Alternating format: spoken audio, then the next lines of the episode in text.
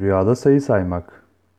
Rüyada sayı saymak sayıların konumu itibariyle farklı yorumlara işaret eder. Bazı yorumcular tek rakamlı sayıları üzüntü ve kedere, çift rakamlı sayıları da hayra, berekete işaret eder şeklinde yorumlamışlardır.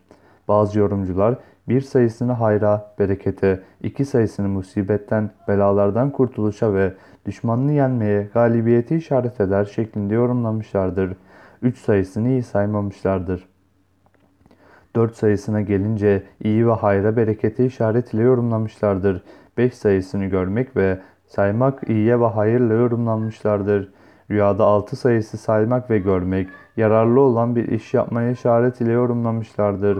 Bazıları da rüyayı gören kişinin iyi bir haber ve söz işiteceğine ve takip ettiği işlerinin hayırla neticelenip tamamlanmış olacağına yorumlamışlardır. 7 sayısını saymak ve görmek iyi değildir. 7 sayısında yani adedinde hayır yoktur demişlerdir.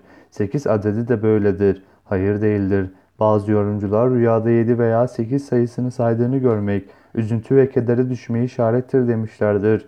Rüyada 9 sayısını saydığını görmek iyi değildir. Bir yoruma göre ise rüya sahibi düşman üzerine gider. Çözülmesi hallolması gereken bir iş için düşmanla konuşur şeklinde yorumlamışlardır. 10 adedini saymak veya görmek iyidir. Hayırlı bir rüya olup rüya sahibinin din ve dünya ile ilgili muradının olmasına, başka bir yoruma göre ise rüya sahibinin işlerinin hayırla tamamlanıp yoluna girmiş olduğuna ve gireceğine işaret eder demişlerdir. Bazı yorumcular da 10 adet saydığını gören kimsenin hacca gitmesine ve gideceğine işarettir demişlerdir.